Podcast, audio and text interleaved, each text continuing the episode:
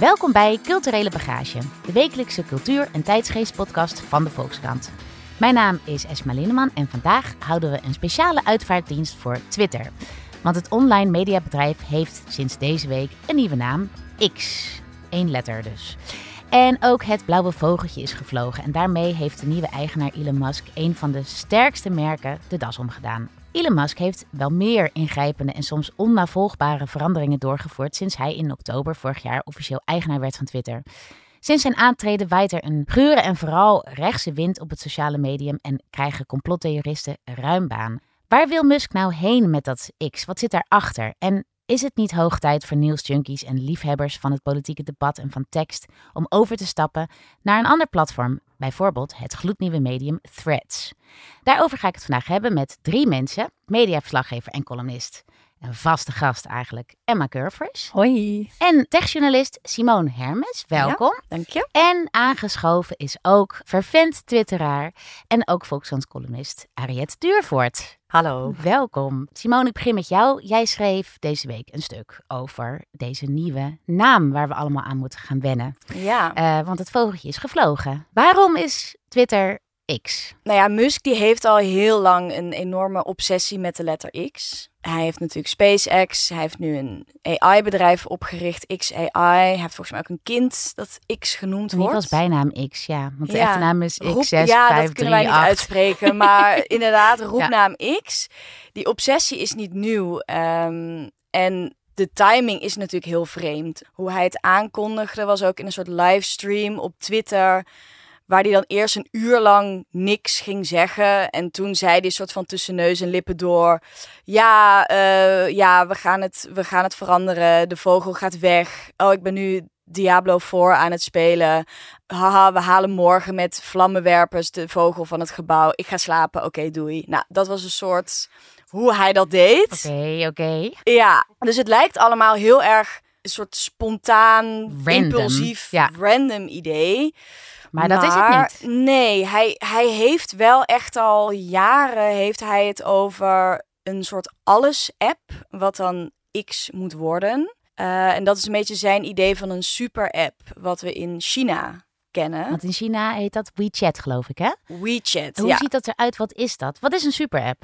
Ja, WeChat, dat is eigenlijk een beetje de original super-app. En dat is een app die een beetje begon als een soort combinatie van WhatsApp, Twitter, Facebook. Gewoon een soort social media app. En later kwamen daar steeds meer functies bij. En inmiddels is WeChat uitgegroeid tot een app waar je alles kan. Dus je kan er je taxi bestellen, je kan er eten bezorgen, je kan er je bankzaken mee doen. Het is een soort app die je kan openen en vervolgens alles wat je op je telefoon wil doen, kan je binnen die app doen. Want als je zegt bankzaken doen, kun je dus ook betalen op WeChat? Zeg Zeker. Maar? En dat kan... is eigenlijk ook wat Musk wil met X. Ja. Ja, hij heeft wel volgens mij altijd een soort fantasie gehad om een app te hebben waar alles kan. En hij heeft natuurlijk zelf ja, zijn origine ligt in de online bankwereld. Dus Ja. hij is zelf begonnen als internetondernemer met een online bank. Hij is nu ook bezig met aanvragen om op Twitter bijvoorbeeld bankverzoeken te kunnen gaan doen, zodat je op Twitter ook kan betalen. Dus hij is daar wel mee bezig. Hey, en um, eventjes over die bedrijfsgeschiedenis van, van Twitter. Want Twitter begon in 2006. Ja. Wat was het toen? En ja, waar is het tot uitgegroeid? Even in, in een paar In een notendop. In een notendop, ja. Nou, het begon dus met vier Amerikanen die samen in het bestuur van een podcastbedrijf zaten. Ze hadden een soort idee voor een soort groeps sms, intern groeps sms platform. Dus dat, dat ze eigenlijk intern met elkaar op een fijne manier groepsdiscussies konden vormen via sms. En dat is al vrij snel uitgegroeid tot iets externs en eh, dus ook online. En Ja. dan dus met korte berichten. En dat is eigenlijk toen heel snel gegroeid. Dus er was toen in 2007 had je South by Southwest. Dat is zo'n hele bekende eh, techbeurs. Daar hadden ze toen heel slim overal borden neergezet met Twitter. En je kan op Twitter met elkaar in contact blijven. En toen nam het echt een vlucht. Tijdens dat congres. Ja, Tijdens dat congres. Ja, en daar zitten natuurlijk een beetje alle early adapters die dat vervolgens allemaal heel interessant vonden. Ja, Ja, en toen is het gewoon heel snel gegroeid. Ja. Ehm, en het probleem met Twitter is natuurlijk wel, eh, ja, echt winstgevend zijn ze in al die jaren nooit geworden. Dus het was altijd een heel groot medium waar iedereen was en wat super belangrijk was. Beursgenoteerd toch ook? Ja. Zeker beursgenoteerd. Ja. Uh, maar winst maken, dat Ho, maar. niet. Ja, Nee. Hey Emma, jij uh, volgt als, als mediaverslaggever en als columnist ook eigenlijk al heel lang dit dit platform. Ja. Eh, je zit er ook op? Tegen wil en dank. Ja hoor, ja, ja, ja, ja. en, en hoe zou je jezelf beschrijven als twitteraar? Wat voor soort twitteraar ben jij? Ik ben nu een twitteraar in rusten. Ik was de hele lange tijd was ik best enthousiast en uh, tweette ik nog wel eens een grapje en dan kreeg ik ook een schouderklopje, was heel lekker. Ja. Uh, maar inmiddels vind ik het er uh, eigenlijk, ja, word ik er steeds vaker heel zagrijnig van. Dus mijn Twitter-account doet nu meer, een beetje meer denken aan ja, zo'n moestuintje wat je in groep 4 hebt. En een tijdje ben je heel enthousiast bezig met zaaien en oogsten. En nu is het in één keer een dorre bende. Gebeurt er niks meer eigenlijk. ja. ja, ik zie het meer als een soort van heel gezellig feest of een feest. Waar nu opeens allemaal nieuwe gasten zijn gearriveerd. De ouders zijn weg, de drank is op. En het is, er staat echt teringmuziek op. Ja, ja, ja, ja.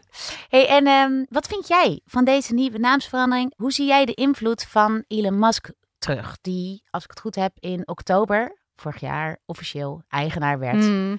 van uh, ja, dit platform. Ja, ik, ik weet het niet. Het, ja, ik ben een beetje van streek.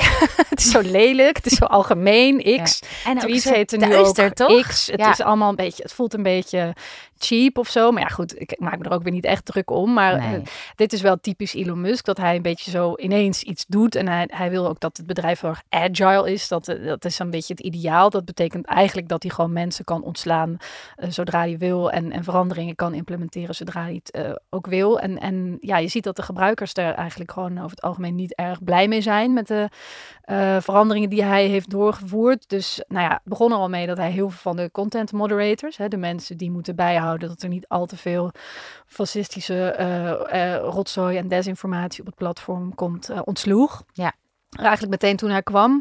Hij heeft het blauwe vinkjes systeem omgegooid. Nou ja, voor de mensen die niet op Twitter zitten. Blauwe vinkjes waren ooit een soort statussymbool. Die kon je krijgen als je beroemd was. En dat bevestigde dan ook een beetje dat je iemand was. Maar je kon ze ook kopen. Maar goed, nu kan je ze alleen nog maar kopen. Dus het statussymbool is weg. Je bent een beetje eigenlijk een Elon Musk fanboy als je dat nu doet. En, en, en de hele magische werking die achter dat blauwe vinkje zat, die is er niet meer. Mijn vinkje is ook weg trouwens. Moord, moord, moord.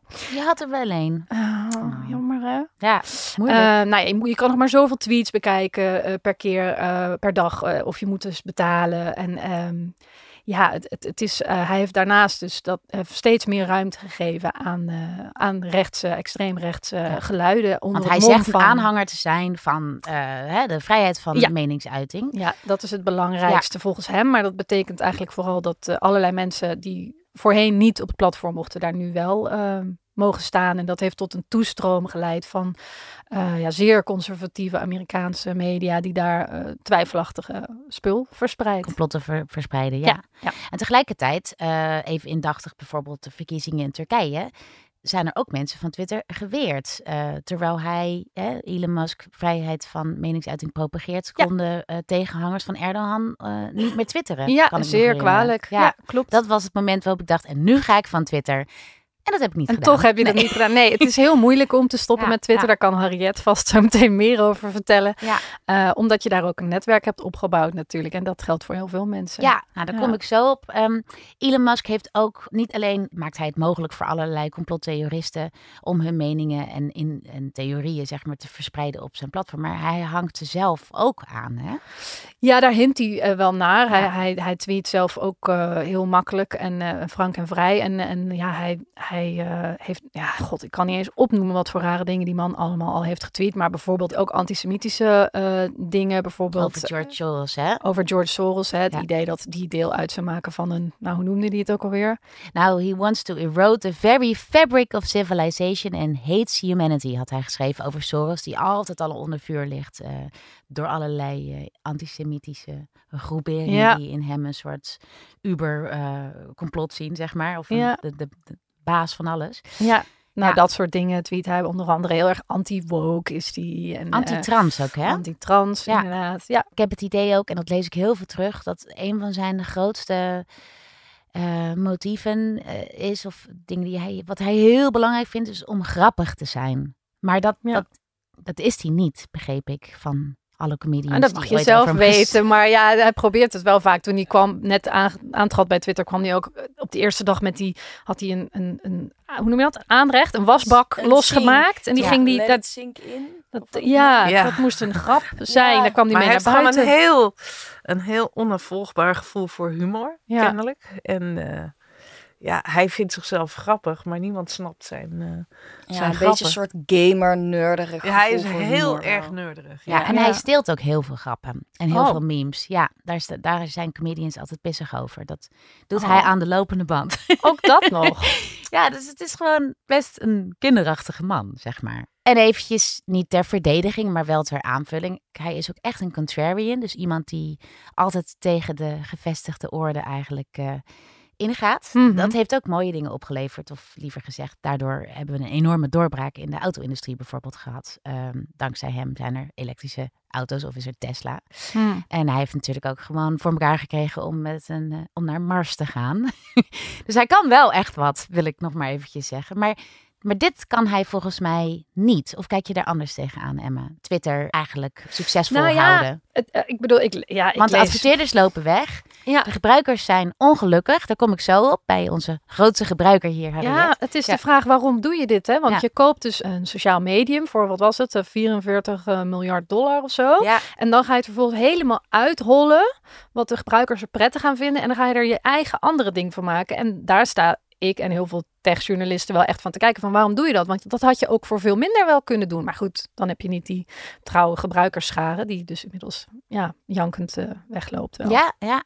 En Harriet, wanneer ben jij op Twitter gegaan eigenlijk? Weet je dat nog? Uh, dat weet ik eigenlijk helemaal niet. Nee. Maar ik moet ook zeggen, kijk, ik zit echt al lang op, uh, op Twitter. Ja. Ik denk minstens een jaar of tien. Maar ik heb het altijd heel erg radicaal gevonden. Ik bedoel, het, het hele Zwarte Piet debat heb ik op Twitter uh, gevoerd. Er is extreem altijd ja, bedreigd via Twitter. Dus ik bedoel, het hele idee van, oh, het wordt nu extreem rechtser. Ik bedoel, dat was het altijd eigenlijk al. Mm -hmm. ja. Zeker in de Nederlandse context, maar ook in de, in de internationale context. En ik moet ook zeggen, omdat ik echt, ja, ik was volkomen uh, Twitter verslaafd. Ik probeer nu wel wat uh, te minderen. Ik hoop echt. Maar waarom was jij dan zo verslaafd? Wat ik denk er, uit eenzaamheid. Kijk, ik ben natuurlijk een eenzame freelancer. Ik ben heel erg door mijn thuissituatie ook aan huis gekluisterd. Ik heb een zorgintensief kind. En voor mij is het zo dat die koffietafel die jullie hier heel gezellig hebben op de redactie uh, dat heb ik natuurlijk niet. Dus ik bedoel ook veel uh, ja, collega's en zo. Ja. Die tref je natuurlijk op Twitter. Maar ook uh, voor mij is het heel, een heel handig tool om, om journalistieke research te doen. Twitter veel meer dan bijvoorbeeld Facebook. Ja, ja. Hmm. Omdat het toch heel, weet je, bijvoorbeeld rond dat toeslagenschandaal, er zijn zoveel mensen die juist op Twitter, omdat ze ook vaak anoniem kunnen zijn, die daar gewoon beginnen hun verhaal te, te doen, et cetera. En, uh, en zo heb ik gewoon een hoop, ben ik een hoop verhalen ook op het spoor uh, ja. uh, gekomen. Hey, en nog even over die Twitter-verslaving, die ik overigens in mezelf ook weer herken. Maar op het, op, een, op het dieptepunt, hoe zag dat er dan uit bij jou persoonlijk? Ja, ik heb ontzettend veel. Ik heb, ik heb heel veel dieptepunten gehad. Ik heb er ook ooit een keer. Volgens mij heb ik er meerdere columns ook over geschreven. Ja, ook die scheldkolonnades, die ruzies waar je in terecht komt. En die jij dan ook niet los kan laten. Nee, nee, ben, maar doe je dan mee? Ja, oh ja. Nee, Word je fel, zeg maar echt? Oh, ik ben ook echt. En, en dan denk ik van, dit is gewoon een hele dark side in mijn psychologie die dit uh, aanwakkert. Ja, en het is ook heel het is echt heel ongezond, net als elke verslaving. Hè? Ik bedoel, uh, vooral als je in zo'n ruzie zit, dat je dan gewoon, je kan niet slapen. Dan wil je eigenlijk drie uur s'nachts nog even kijken van, oh, heeft iemand nog wat gezegd? Nee, antwoorden. Even Oh man, echt, het is... Dus het is heel, het is gewoon een, eigenlijk een hele nare trek. En het, ik moet ook zeggen, het doet mij denken. Ik ben als uh, kind op de basisschool ontzettend gepest.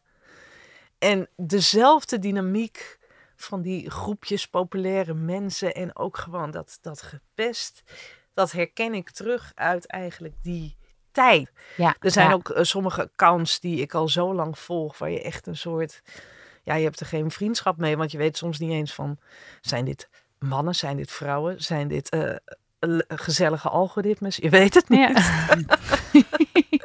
maar in ieder geval, je hebt er een soort ja, sociaal contact mee. Ja, zo, zo ziek is dit natuurlijk. Ja. maar... We hadden het al eerst daarover van dat het altijd als het grootste dorpsplein ter wereld wordt beschreven. Maar goed, jij zegt al van nou zo gezellig is het op dat dorpsplein nooit geweest. Dat zeg jij ook, Emma, toch?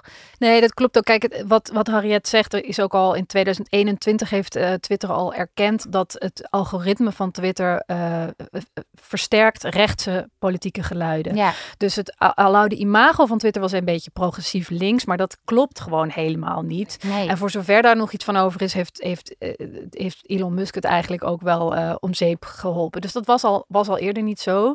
En het idee van het openbare dorpsplein, dat is iets wat Elon Musk vaak gezegd heeft, ook Linda Jaccarino, de CEO, CEO ja. Uh, gezegd heeft van wij, wij zijn graag dat dorpsplein. Dat is natuurlijk een ideaal wat, wat helemaal niet klopt. Hè. Dat is een beetje gebaseerd op het idee van John Stuart Mill, hè, de, de marketplace of ideas. Dat was het aloude ideaal van waar dan de beste ideeën, hè, de ideeën concurreren daar met elkaar en de beste ideeën uh, drijven dan als vanzelf naar boven. Maar zo werkt Twitter natuurlijk helemaal niet, want het is juist zo de meest gevatte belediging drijft naar boven. Datgene wat de meeste aandacht kan genereren. Dus Twitter heeft nooit zo gefunctioneerd zoals de oprichters eigenlijk wel zouden zeggen dat het zou functioneren. Ja. Het is meer een free marketplace of disinformation eigenlijk. Ja, en een free marketplace of, uh, of hoog oplopende uh, emoties. Ze, hebben ook, ze hebben ook geprobeerd om een OnlyFans, ik weet niet of jullie dat kennen, dat soort platform waar je als sekswerker mensen abonnementen op jezelf kan laten afsluiten.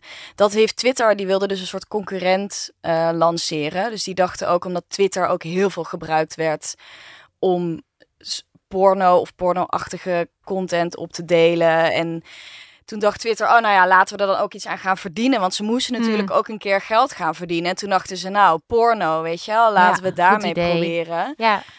Um, en dat is gewoon uiteindelijk teruggefloten, omdat zij niet eens in staat zijn om gewoon de, de kinderporno die op dat platform ook verspreid wordt, om dat in te bannen. Ze hebben gewoon zo weinig grip op waar mensen dat platform voor gebruiken om hmm. dingen te delen. Um, ja, ja, dat ze daar ook mee moesten stoppen. Ja, nou ja, ik denk dat we genoeg informatie en bewijs hier hebben verzameld om met z'n allen te zeggen: uh, bye bye, we gaan iets anders doen met ons leven. Um, hoe moeilijk dat is, dat ga ik zo dadelijk toch nog eventjes aan, ook aan Harriet vragen. Maar in de meantime, er zijn natuurlijk alternatieven. En één alternatief waar ik op dit moment erg nieuwsgierig naar ben, is Threads uh, van, van Meta. Of moet ik Meta zeggen? Dat weet ik eigenlijk niet. Ik zeg Meta, maar ja. je moet Meta klinkt leuk. Oké. Ja. Um, nou, daar heb je ook over geschreven. Threads uh, is in Europa nog niet te downloaden als app. Uh, in Amerika wel. Jij hebt meegekeken voor de krant. Ja. Uh, hoe is het? Hoe is dat? Hoe is Threads? Nou, ik heb meegekeken met een vriendin van mij die in San Francisco woont. En toen was de app was echt net uit. Ja. En als je dan gaat kijken, dan heeft iedereen het op de app over de app. Iedereen die stuurt eigenlijk min of meer berichten van wat is dit? Wat gaan we hier doen?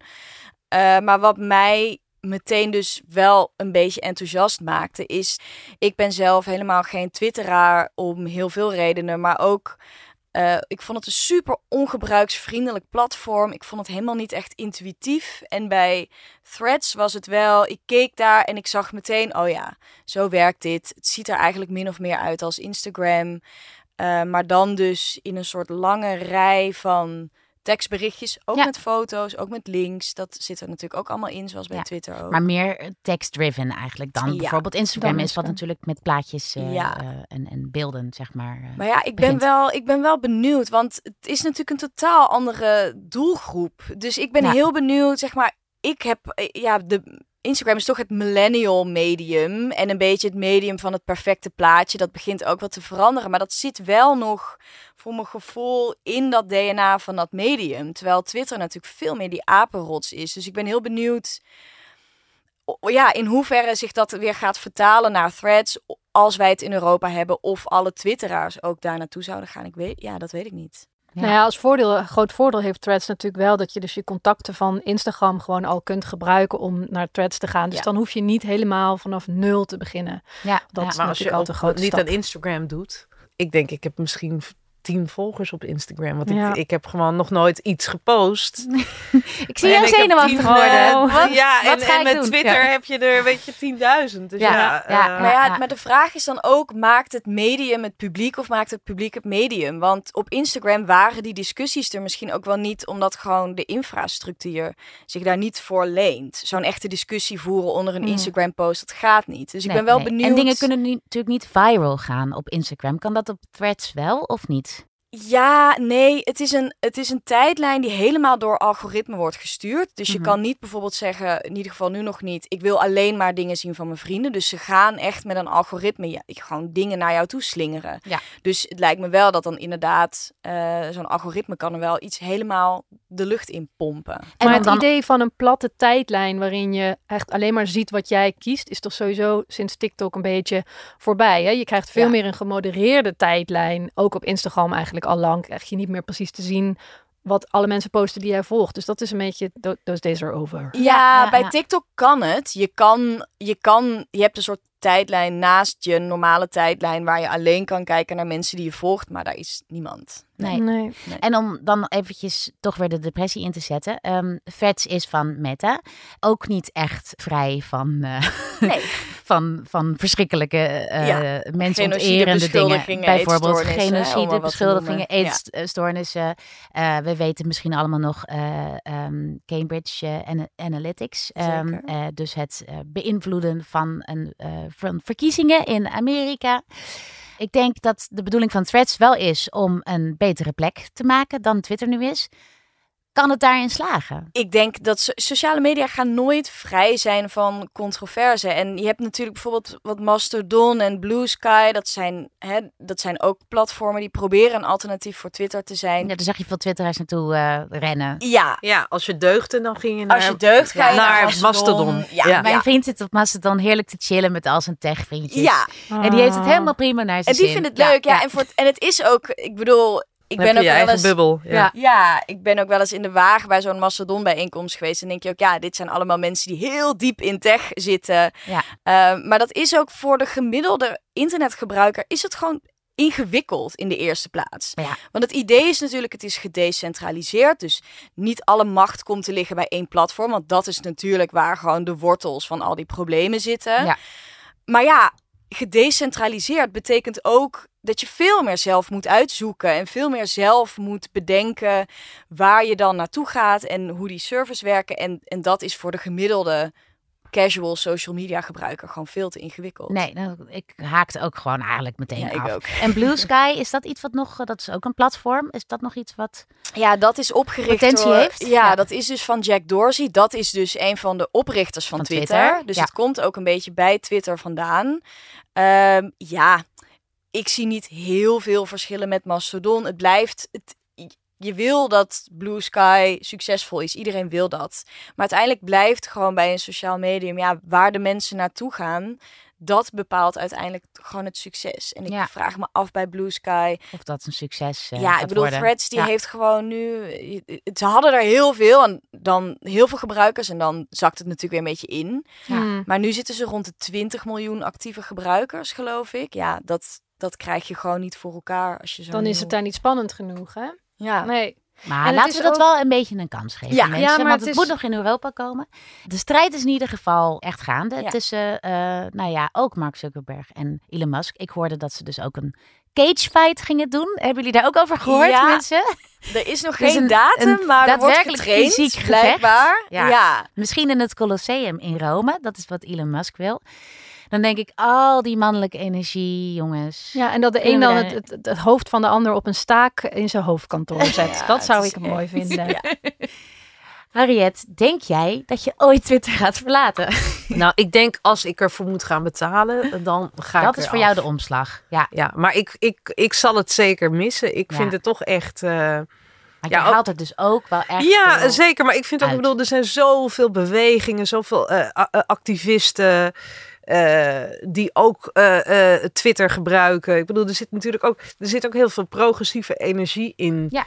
Twitter. Black Lives Matter. ja, Black dat zijn bewegingen ja, die nooit van, van de grond waren gekomen. En, en, ook, ik bedoel, de hele uh, neurodivergent beweging, et cetera. Ik wil, het is, het is echt wel een, wat dat betreft ook een belangrijk platform. En ja, of ik denk dan Instagram, dat is inderdaad heel erg millennial. En het is ook zo ja, het, het, het, gaat veel meer over, over imago, hè, lijkt me. En minder over ideeën. Ja, en de, de baas van Instagram, uh, Adam Mosseri, die heeft ook al gezegd van dat hij hard nieuws en politiek op threads niet gaat aanmoedigen. Dus dan is het ook echt de vraag, kan het een platform als Twitter dan wel vervangen als dat eigenlijk helemaal ja, niet de, nee, inderdaad, wel dat, ja, ja. Hmm. ja. Nou, we gaan het de komende maanden allemaal zien. Dank jullie wel voor jullie komst naar de studio. Dit was Culturele Bagage. Montage en redactie worden gedaan door Team Haagman en eindredactie door Lotte Grimbergen. En wil je de Volkskrant nou steunen? Ga dan voor een abonnement naar www.volkskrant.nl slash podcastactie.